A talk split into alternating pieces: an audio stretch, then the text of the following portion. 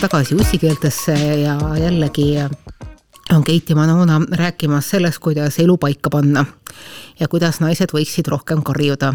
ehk siis see saade läheb spetsiaalse tervitusega kõigile neile, kes oli isiklikult solvunud ja puudutatud meie eelmises saates, kus kohas me julgesime mainida muu asjanduse seas, et äh, kui naine tunneb, et tema peab päeval häält tõstma, siis äkki tal on põhjuseid häält tõsta.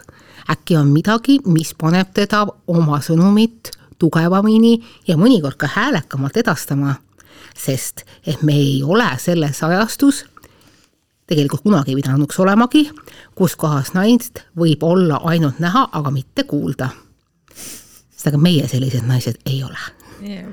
ega ju Keit jaa, ma pigem äh, olen just see tüüp, kes äh, tahab olla kuulda, aga mitte näha just nimelt, seepärast me raadios olemegi. just see on just üks, üks, üks põhjuseid, mikspärast, äh, mikspärast teha ja kuulata ussikeeli. lisaks ma olen äärmiselt impressitud selle hästi laheda tagasisideme eest, mis me oleme saanud.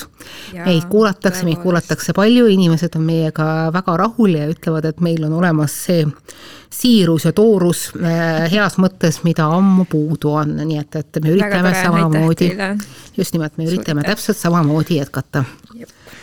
Vot siis, seega ma mõtlesingi, et ma räägin karjuvatest naistest. et mis võib panna ühte naist karjuma ja mida siis teha et ma saan aru täiesti, et, et kui mis tahes inimene, ma ei hakka siin nagu sugu välja tooma, hakkab ühel hetkel oma kommunikatsiooni edastama röökides või häält tõstes, siis ega see meeldiv ei ole. sest me kõik tahaksime elada võimalikult vähe äh, draamas, mina olen piisavalt vana, et ma ei viitsi enam draamat teha, mina ka eriti palju kellegi peale ei karju, välja arvatud siis, kui äh, ma ei tea, laps on sõiduteele jooksnud või midagi sihukest, noh, jällegi põhjuseks ju et äh, ma üritan nagu elada niimoodi, et ma ei peaks kellelegi peale häält tõstma. ja noh, enam, enam, enamjaolt see nagu, nagu õnnestub ka. aga ma tean, et on olukordi, millal see ei pruugi õnnestuda.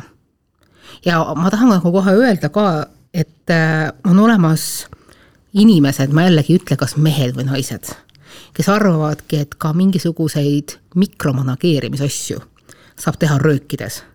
Need, see saade ei ole nendest ja olgu siis nagu kõikidele kaerahelbekestele ja helmekestele öeldud, et see ei ole saade nendest närvihaigetest, olgu nad siis mehed, naised või äh, ma ei tea, mis soolised, kes arvavad, et mikroprobleeme saab edastada äh, obsessiivse röökimisega. nagu päriselt ka. Neid inimesi me mitte mingi hinna eest kuidagi ei promoveeri. aga meie räägime siin sellest, et äh, kui naine tunneb, et temal on vaja häält tõsta siis tema seda häält võiks ka tõsta mm. -hmm. mis on viimane niisugune olukord, mis sind Keiti, Keitu pani äh, oma häält tõstma? ma ei tea, sellepärast et äh, ega ma ei ole tegelikult väga selline hääletõstja selles suhtes, et ja ma ei ütleks, et see on hea. Selles suhtes, et noh, ma arvan, et see oli viimati minu eelmise suhte jooksul ilmselt aga ikkagi, kui mul olid ka mingisugused probleemid, kus ma oleks võib-olla tahtnud karjuda, siis ma ei teinud seda. ühelt poolt sellepärast, et ma tean, et ähm, kui ähm, sa üritad kommunikeerida mingisugust sõnumit oma suhte või mis iganes asja kohta ja sa teed seda karjudes, siis äh, see nii-öelda liigne emotsioneerimine sageli ähm, ei vii selle eesmärgini, mida sa ikkagi soovid ta tapab sõnumi. ta tapab sõnumi, just. et ma tegelikult, ma ei ole sihuke inimene, kes väga karjuks ja häält tõstaks, ma olen pigem see inimene, kes, äh, kui ta solvub või kui ta tunneb, et talle on liiga tehtud, tõmbub endasse ja tõmbub eemale mm. -hmm. et ma ei, ma ei viitsi hakata inimesega kaklema, karjuma, midagi sellist, et see lihtsalt on minu jaoks aja raisk ja see jah, mingi emotsioneerimine on lihtsalt nii mingi aga samas jällegi ma ütlesin juba enne ka, et tegelikult ma oleks pidanud vahel seda häält ikkagi tõstma, selles suhtes, et äh, kui sa kogud endasse, nagu ma tegin aastate jooksul isegi, pidevalt mingisuguseid emotsioone ja noh, ongi see, et neid asju ikkagi nagu ei lahenda ära, siis see on halvem kui see ükskord välja karjutud tõde. sa pead rääkima, mis on valesti mina olen ühes oma suhtes ja ma ei hakka täpsemalt siin ütlemagi, et, et keegi äh, helbekene jälle ei tunneks ennast solvatuna, sest ma tean, et nad kõik kuulavad äh, niimoodi edasi-tagasi kerides põhjalikult. et äh, mina ühes suhtes jälgisin seda postulaati, et naist peaks olema näha, aga mitte kuulda ja võin täitsa rahulikult öelda, et see ikka olulisel moel andis halva tagasisideme, ehk siis väga korralikult backfire'is. ja enda, enda kaitseks võiksin öelda, et ma olin siis nagu hästi noor ka, mingisugune kahekümnendate esimeses pooles. ja juhtus niisugune moment, et äh, probleemid hakkasid kuhjuma ja kas ma nagu rääkisin või ei rääkinud, need asjandused läksid ainult ja ainult hullemaks. Ja noh, nagu öeldakse, et äh, kui kallab, siis äh, paneb ikka nagu oavarrest, siis juhtus niimoodi, et, et sattus minu teele üks vanem härrasmees, kes mulle tundus, et, et on huvitatud sellest, et minul läheks hästi ja hakkas, hakkas rääkima oma nõuandeid. et ta ei olnud nagu minust huvitatud, tal oli omaenda niisugune tore noor naine olemas, aga ta tõsiselt tundus, et, et noh, et, et teda ta tahaks nagu mind minu õudses suhtjamas nagu aidata ja päriselt ka ma sel hetkel tundsin ennast tohutult üksinda. Sest ma ei suutnud mitte kellelegi rääkida, mul oli niivõrd häbi ja vastik olla, et mina, kes ma olin hästi varakult jooksnud mingisugusesse suhtesse, nüüd ma olin täielikus ämbris. ja ma ei julgenud kellelegi seda öelda, sest see oli nagu iseenda luhtumise tunnistamine. ja ma hakkasin küsima, mida ma peaks tegema inimene, kellega ma, kellega ma olen koos, kellega meil peaks olema suur ja paks armastus, käitub täiesti risti vastupidiselt sellele mis lahti on? Ja kui ma hakkan rääkima ja üritan kasvõi küsida tema käest selle asjanduse kohta, ükskõik kui rahulikult ja läbimõeldud ma seda ka ei teeks, tulemus on alati risti vastupidine. mingi hetk ta karjub ja mina tunnen ainult seda, et, et noh, et ma olen vastu seina surutud ja ma lämbun. ja mingi hetk paratamatult röögatan ka mina. ta ütles, et, äh, et vaata, tüdruk peaksid, sa peaksid selles osas olema hästi tark. loomulikult, eks ju. ja et, et sa peaksid äh, kasutama oma naiselikku tarkust ja laskma asjadel olla. Et niivõrd paljud asjad lahenevad iseenesest ära. Ja kui sa lihtsalt oled hea ja tark ja niisugune vait ja sa ei tee probleemi, siis, siis mees tahab tulla just selle naise juurde, kellega tal ei ole probleemi ja kellega tal on hea ja mõnus, mugav olla, sellepärast et mees armastab üle kõige niisugust vaikset rahu ja kodusoojust ja et kui sa nagu äh, lased sellel olla ja näitad, et sinus on nii palju suurust ja sa suudad andestada ja edasi armastada ja siis sa oled tegelikult õiget, õigesti aru saanud, mida tähendab üks suhe, mida tähendab üks mees ja mehe hoidmine. ja noh, palun väga vabandust, eks ju, inimene oli noor ja loll, ta tegigi niimoodi. ja mis siis juhtus? sa arvad, nagu asi läks paremaks või? ei see asi läks praegu, see asi, asi läks no otseses mõttes niimoodi põhja mürtsuga. ja kui ma siis lõppude lõpuks tegin oma noka lahti, sain oma šokist üle ja küsisin sel hetkel juba täiesti rahuliku külma häälega, ilma igasuguse hääle tõstmise ja muu sihukeste asjanduseta, et noh, miks sa niimoodi tegid? miks sa meie suhtega niimoodi tegid? vaatas noormees mulle suurte silmadega otsa ja ütles, et aga sa ei öelnud ju midagi. mulle tundus, et sa oled kõigega nõus. mulle tundus, et sa oled nõus sellega, et ma terve nädalavahetuse maha pidutsen mulle tundus, et sa oled sellega nõus, et mul on igal pool mingisugune silmarõõm ja armukene ja ma siin kuradi ma poole oma töökolleegi seltskonnaga üritan mingit liini ajada. niimoodi, et need tütarlapsed minule saadavad sõnumeid, et noh, et, et sul nagu kodus kõik korras või. et ma ei tahaks sulle öelda, aga et sinu teine pool kolm punkti. maailma kõige vastikumad ja piinlikumad kirjad. ja et, et noh, et aga sa ei öelnud ju midagi. ja siis ma ütlesin ütlesin rahulikult ja ütlesin väga selgelt, nii, nüüd on kõik. selle peale muidugi tuli väga suur skandaal, et issand jumal, kuidas niimoodi saab ja alles noh, et noh, et miks sa minuga ei suhtle, miks sa minuga ei räägi ja nüüd sa siis võtad tuumapommi välja ja see on muidugi tore, et noh, nutta tuumapommi üle, kui sa ise oled mulle teinud apokalüptilise pasasõja juba pikemat aega. noh, nagu siis või noh, võikski nagu arvata, ega sellest nagu suhtest rohkem midagi ei tule. ja mina tulin sealt välja nagu läbin päris korraliku niisuguse mudaralli, et, et noh, et, et väga korralikult targemana, et, et teine inimene ei oska mõtteid lugeda. sinu partner ei oska mõtteid lugeda. üldse tähendab, maailmas on väga vähe inimesi, kes tegelikult oskavad mõtteid lugeda, sa vaatad seda paganama mingisugust äh, selgeltnägijate pitvat või mingi muu niisugust asja, nad seal ka ei oska seda teha, päriselt. et siis, kui sul on mingisugune asi keele peal, siis ütle välja ja ütle välja selle kõva, selge häälega, ära sosista, ära vähenda, ära suurenda. ütle täpselt nii, nagu see on ja ütle kohe. ma olen seda varasemates saadetes ka rääkinud. ja natukene aega tagasi mu praegune suhe ütles, et, et üks põhjus, mikspärast me oleme praegu väga heas ja harmoonilises suhtes, on see, et, et sa ütled kohe, kui midagi on et see asjad ei saa nagu hakata kuhjuma, ei hakka mingit lumepalle tekkima, keegi ei saa valesti aru, keegi ei saa solvuda. õudselt suur jama on ka see, et, et noh, et üks käitub kogu aeg niimoodi nagu käitub, teine ei ütle mitte midagi. aga see vimm, see kasvab. ja see ühel hetkel muutub armastuse aseaineks ja kõige hullem asi on see, et, et ühel hetkel kaob ka see viha ära ja siis tuleb midagi märksa hullemat vahele. ja see kõige hullem asi ongi see ükskõiksus, sul on täiesti absoluutselt kama kaks sellest inimesest. ja ta, see on surm. siis ei ole mitte midagi see on ka raiskamine, sa oled selle ajaperioodis selle inimese selle situatsiooni peale raisanud. sa ei saa seda mitte kunagi tagasi. ja sellest on nagu kuradima moodi kahju. palun ärge tehke nii. jaa, ei ma nõustun. aga jah, täpselt äh, niimoodi põhimõtteliselt mu eelmine suhe läkski, et äh, ma üritasin kommunikeerida oma vajadusi ja oma probleeme ja selles suhtes, et iga kord, kui ma üritasin asjad teemaks võtta, siis mu partner tõmbus endasse, äh, läks närvi mm, -hmm. jooksis minema. Mm, ükskõik, välja arvatud see, et päriselt otse rääkida. et äh, ja üks, üks hetk oligi täpselt, tuligi see, et mul oli täiesti pohhui mm, -hmm. täiesti pohhui ja sel hetkel olingi nagu mina juba täiesti lahti lasknud.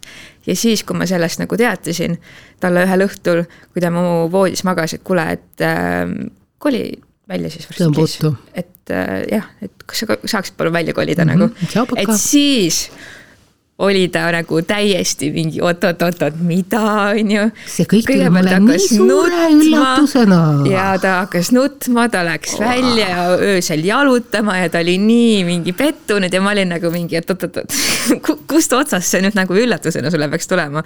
et see, et me nagu elame koos nagu kaks võõrast, et kas see on siis nagu see, et, et mille nimel me siis siin ikka veel nagu pingutame või? Täiesti, noh, see on nagu niisugune textbook case. muuseas, äh, kui mul on üks hea endine kolleeg, kes kunagi soovitas mulle, et, et, et kui sul lähed inimesega mingisugune, mingisugune shouting äh, sessioon tuleb, et noh, et, et hääled, detsibellid nagu lähevad kõrgemaks ja kõrgemaks, siis tema soovitas teha sellist asja, et äh, kasutada kõige vaiksemat, aga veel kuuldavat hääletooni mm -hmm. ja väga külmalt ja asjalikult seleta, mida sa tegelikult tahad ja kui sa oled sealt aru saanud, et noh, et, et see vaikselt edastatud sõnum on jõudnud inimeseni, siis noh, tavalised inimesed, noh, tema, tema argument oli see, et, et noh, ta oli ka nagu psühholoogiat ja filosoofiat õppinud, et inimene teadlikult äh,, ala, vabandust, inimene alateadlikult äh, üritab kuulata seda kõige madalamat heli. sest tal on vaja see informatsioon siiski kätte saada igaks juhuks. et äh, kui ta, kui sa saad aru, et, et, et ta on selle siiski nagu ära kuulnud, kuigi mitte võib-olla kuulda võtnud, siis lihtsalt tõmba uttu ja see ongi kõik. et kui inimene ei tahagi aru saada, siis ei ole sellega mitte midagi teha. aga jumala eest, ära jäta ütlemata. ütlema peab, tuleb öelda otse, tuleb üldse öelda rahulikult, tuleb öelda niimoodi, et, et et sa ei pane sinna mingisuguseid hinnanguid sisse, ma saan aru, see on hästi keeruline. isegi nagu minu jaoks, kes ma tegelikult olen ju, eks ju noh, diplomeeritud kommunika-, noh, kommunikatsiooniekspert. ma tean, kuidas mingisugused sõnad või väljendid toimivad, noh, ma tean sõnade semiootikat, märke. isegi see on mõnikord hästi ettevaatlik.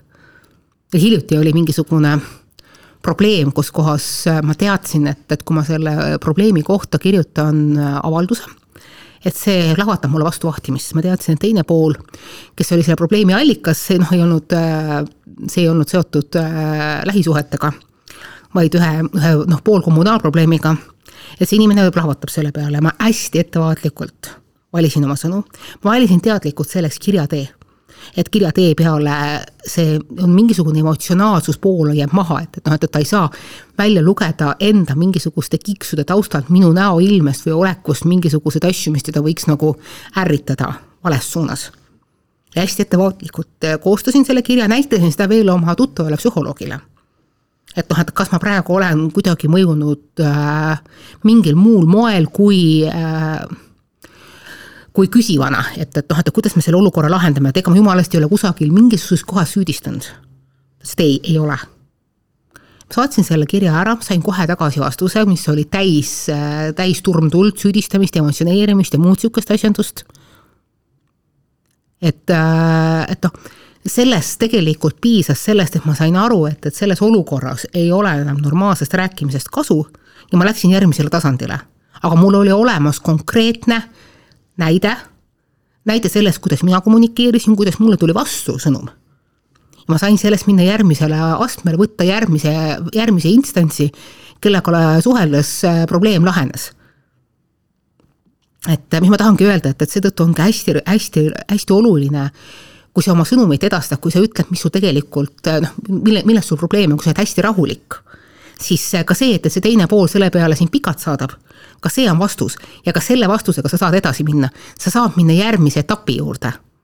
Et mõnikord tõepoolest ei ole midagi teha, ega sa ega, ega, ega ei saa päästa suhet, mis päästetud ei taha saada, et mõned suhted peavadki otsa saama.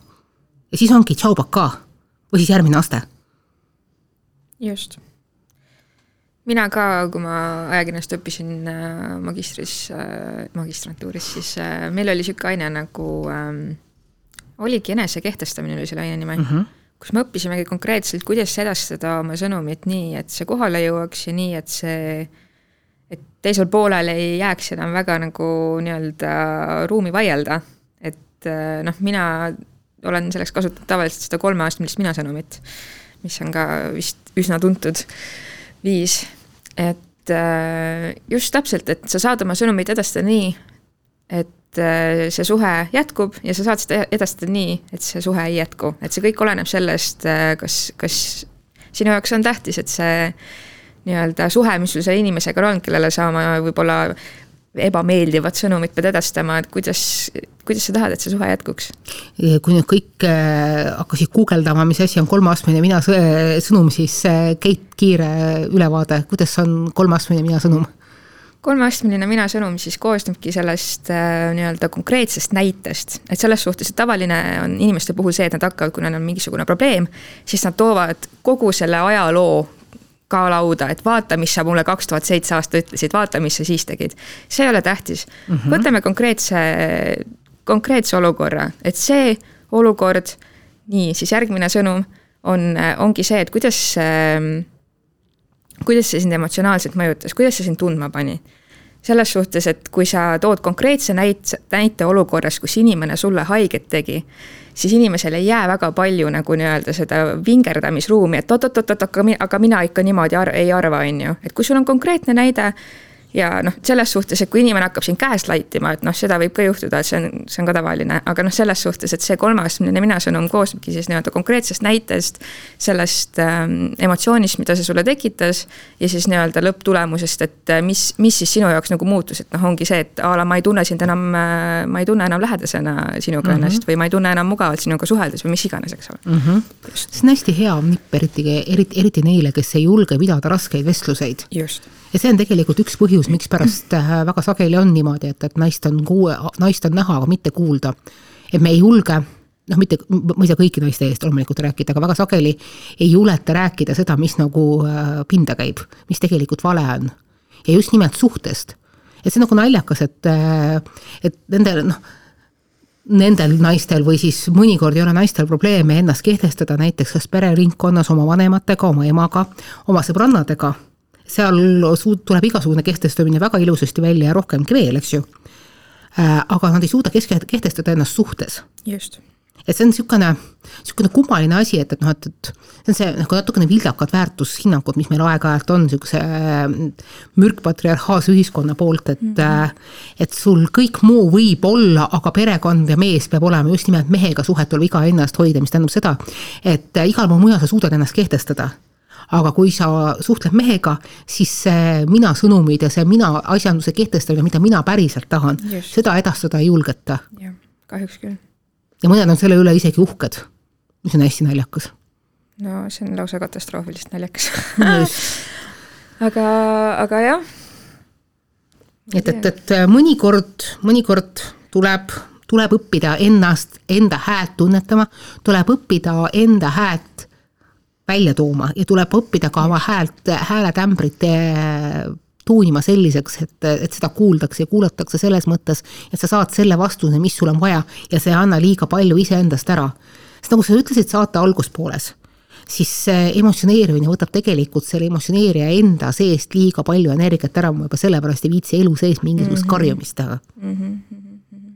ja olgu siin ka öeldud see, et, et, et karjumine on väga sageli ka see, et, et noh, et, et kes aru saab, noh, kes kelle jaoks karjub.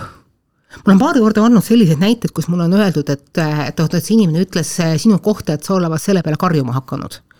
Ja mina ise mõtlen, et see ainukene asi, mis ma tegin, et võib-olla ma korraks natukene teravdasin hääletooni, võib-olla korraks paaris kohas natukene äh, tõstsin häält, aga noh, mingisugusest karjumisest ei olnud nagu asi mitte midagi ehk siis mingi inimene mulle öelnud ka, et, et aa ei, ma tegelikult ütlesin, et sa hakkasid karjuma, mul lihtsalt, mul oli tunne, et ma peaksin oma sõnumit natukene tõsistama, et, et noh, et, et kui ma ütlen, et noh, et, et sina, et sina kui toimetusjuht hakkasid selle peale karjuma, siis ma arvasin, et, et noh, et äkki see inimene nagu suhtub asjasse tõsisemalt ja sellest nagu hästi korralikult on ka backfire inud, et noh, et mul ongi teatud ringkondades seetõttu nagu mingisuguse poolhullu kuulsus olnud. ja siis mine ja klati seda asjandust, eks ju. õudselt tore on olla, et, et noh, saage aru, tegelikult ma üldse ei karju. sest noh, ma olen selleks lihtsalt äh, liiga liiga enesearmastaja ja, ja mul ei ole vaja mingisugust asja eest teist taha draamat. kui mul on probleem, siis ma ütlen selle konkreetselt välja, kui selle eest midagi välja ei tule, siis noh, järelikult ei ole meil ka suhet ja, ja see kaob ära ka nagu probleemiga see on äh, hea naljakas, et kui naisterahvas äh, teravdab äh, oma hääletämbrit näiteks, et rõhutada mingit osa oma sõnumist, siis Helmed nimetavad seda siis naist emotsionaalselt üle, üles köetud naiseks arvatavasti, on ju. vot see, see teema on ka olnud mul tükk aega mõttes, et mehed kogu aeg nii-öelda süüdistavad naisi, et me oleme liiga emotsionaalsed, et me ei kontrolli oma emotsioone. aga kui me vaatame nagu päriselt asju, selles suhtes, et okei okay,, minu arust see nagu stereotüüp, nagu ma rääkisin eelmises saates, see nii-öelda rahuldamata naine, kes karjub, see on jälle mingisugune toksilise mm -hmm. patriarhaalse mingi maskuliinsuse mingisugune jäänuk ja nagu noh, ilmselgelt mingid EKRE vennad nagu selle järgi mõtlevadki asju, aga reaalselt, kui me vaatame igapäevaselt, mul on just vastupidine tunne, et mehed on need kes ei fucking ei suuda kontrollida oma emotsioone, kes lasevad asjadel ja emotsioonidel kuhjuda nii kaua, kuni nad lihtsalt need välja karjuvad ja purtsatavad ja emotsioneerivad nagu. et get real. No just. No vot ongi, et, et äh, üldistused on alati mingil määral bitch ja halvad, äh, halvad ja nii edasi, et aga ma, ka mina olen täheldanud äh, see on see, kes näägutab ja kes esitab konstruktiivset kriitikat naine pigem näägutab, mees pigem esitab konstruktiivset kriitikat, isegi kui ma mõnikord vaatan, et asjad on täiesti vastupidi.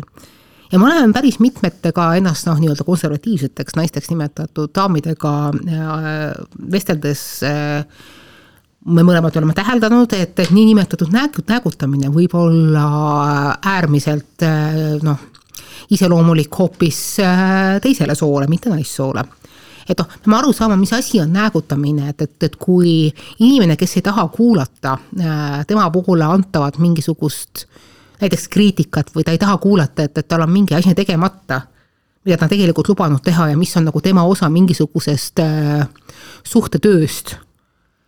ja kui seda talle nagu meelde tuletatakse, et siis see võib olla nagu pikemat aega juba näägutamine, aga, aga samas jällegi kui ta ise arvab, et temal on lubatud neid äh, meeldetuletusi teha terve lõpmatuseni, siis äh, see asjandus on lihtsalt äh, tasakaalust väljas suhtepilt. et noh, mul on siin niisugune tore näide, et, et mul oli kunagi üks, üks austaja moodi tegelane, kes, kes arvas, et, et tema edastab, just nimelt, et tema edastab ainult konstruktiivset kriitikat. ja kuigi mina ütlesin talle suhteliselt otse välja, et, et noh, kallikene, see on nagu suhteliselt nägutamine, siis ta keeldus sellest aru saamast. et kui tema räägib mingisugustest äh, varasematest suhetest, siis see on see konstruktiivne kriitika see ei ole näägutamine. kui tema ütleb, et tema kodus peavad asjad olema või noh, kui meie koos peaksime elama, siis need asjandused peavad olema nii ja nii ja nii. noh, niisugune mikromanagement, et noh, et tassid peavad nii olema ja mingisugune toiduainete kott peab olema kolme keeluga kokku pandud, et. et siis see on konstruktiivne arusaam asjadest, äh, mitte näägutamine, kõik asjad peavad olema täpselt nii, nagu tema tahavad. ja kui äh, mina teen nagu teistmoodi, siis, äh, siis ma olen paha-paha. ja kui mina ütlen, et, et noh, et äkki sa ei tuleks et noh, tegelikult ei ole nagu väga, väga, väga viisakas äh, väliselanutega tuppa tulla, siis äh, noh, see loomulikult oli väga, väga suur nägutamine, ütleme, et, et ega sellest nagu eriti midagi asja ei saanud oh my god, no sihukesed tüübid peaks äh, võtma väikese puhkuse, olema natuke aega vallalised, iseendaga tegelema. ma arvan, et nad on pikemat aega, ma arvan, see, vaata selles wow. see probleem ongi, et, et noh, et, et, see, et, et see vallalise periood on nagu äh, pikamajaline nähtus sellisel juhul ja sealt tuleb ka terve hulk mingisugust sihukest äh, naissuviha, et, et, et ei ole keegi, noh, et ei, ei, et ei suudeta leida kedagi, kellega oma konstruktiivset kriitikat jagada ja noh, selle vastu ma ei oska tõesti midagi muud teha, kui isegi, isegi ma, ma, ma, ma ei oska sihukeste rüütmisipidi kaasa tunda, ehkki tegelikult yeah. peaks, eks ju, ma yeah. tegelikult olen ju jumalast filantroop. ma olen misantroop, nii et. me hästi sobime kokku me sobime hästi kokku, mina tahan siiski inimesi armastada, mina tahan mõelda, et mm. kusagil elu lõpus või noh, mingisuguse story lõpus või mingisuguse story käigus kusagil mingisuguse käänaku peal tuleb ikkagi inimestele mingisugune valgustumine ja igaüks saab enda mõõdukute, mõõdikute järgi nagu paremaks jaa, see ta tavaliselt tulebki, aga väga tihti tuleb see surivoodil ikkagi kahjuks. see valgustumine ikkagi tuleb siis, kui kõik on putsis ja vabandust. ma siiski tahaks, et ma tahaks, et noh, et elu nagu läheks nagu paremini edasi ka enne seda, kui sinna samusessegi väravatesse jõutakse, aga, aga noh, noh, see on ju, sa elad ja sa õpid, et hmm., et noh see on nagu oluline asi, kuidas, kuidas nagu õppust võtta, et noh, et kuidas nagu lahendada mingisuguseid jamasid, et, et sa suudad iseenda ees seista ja samal ajal ei istu kellelegi pähe ja ei lase kellelegi noh, iseendale pähe istuda. et see on niisugune pidev võitlus iseendaga ja algandmed selle kohta võiks tulla täitsa rahulikult mingisuguses koolipõlves, et et kui nagu oma vanema ette ei taipa nagu anda seda asja, võib-olla seal on nagu traditsioonilised asjad nagu viltu käes mm. -hmm no niisugune noh, see, see toksilis traditsiooniliselt mm. -hmm. sest noh, jällegi ma mõtlen selle peale, et, et noh, et, et tegelikult päris traditsioon võiks olla ikkagi see, et, et noh, et, et perekond kui üksus või kooslus, ükskõik keda nad seal noh, kas seal on mingid kärjed, mitte kärjed, et noh, et, et kui need kaks inimest on koos või siis rohkem inimesi, eks ju, et siis nad suudavad omavahel kommunikeerida ja jagada võimu ja vastutust nii, et, et, et kõik tunnevad ennast hästi, vastasel korral nagu ei ole nagu mõtet või nii jah, vot see ongi nagu ka probleem, et sageli lapsed jäävad ju selle vanemate turmtule keskele mm. -hmm. et äh, vanemad ei suuda kommunikeerida, sõnumeid ei suuda omavahel probleeme enam lahendada ja siis äh, seda emotsionaalset frustratsiooni elatakse ju tihtipeale ka oma laste peal välja. ma kusjuures just täna nägin äh, Eest-, noh Twitteris ühte eestlase tweet'i, kes kirjutas, et et palun enne, kui te saate lapsi, minge minge teraapiasse ja ravige oma traumad terveks, sellepärast et nii kohutavalt palju on neid esimese klassi lapsi, kes on lihtsalt emotsionaalselt täiesti perses omadega. sellepärast, et nende vanemad äh, ei tule iseendaga toime ja seetõttu nad lihtsalt põhimõtteliselt abuse ivad emotsionaalselt oma lapsi, eks ole mm. -hmm no see on igal juhul äh, vajalik, et äh, mingisugune emotsionaalne bilanss oleks enne tehtud, kui sa hakkad oma oma kiikse geene ja noh, nii head ja nii, nii häid kui ka vigasid nagu edasi andma, et, et noh, mhm. mina kahe lapse emana ütlen, et, et, et äh, me noh, see on nagu mingi, mingi, mingi osa nagu maailma paratamatusest, et me kõik mingil määral rikume oma lapsed ära, sest et meil mhm. kõikidel lastel on omad mingisugused äh, õppetunnid seoses meiega, et noh, ega ilma asjata ütle, et öelda, et mõnikord on, sa näed, vaatad oma lapsi ja sul on niisugune tunne, et, et sa näed ainult iseenda kõige halvemat jooni mm aga see on noh, samamoodi osa mingisugusest äh, saatuse kommunikatsioonist, et noh, et asjad, millega sa saad nagu parandada, asjad, mida sa saad parandada, mida saad, äh, mida sa saad muuta. Et noh, see on, kõik on mingisugune osa mingisugustest võimaluste plejaadist vot. no kokkuvõtteks võib siis öelda, et äh, selleks, et hoida häid inimsuhteid, õppige oma sõnumeid selgelt kommunikeerima ja tegelege ka sellega, et teie emotsioonid äh, oleks teie hallata, mitte vastupidi. just nimelt ja siis ei ole vaja üldse karjuda. just. juhu yeah..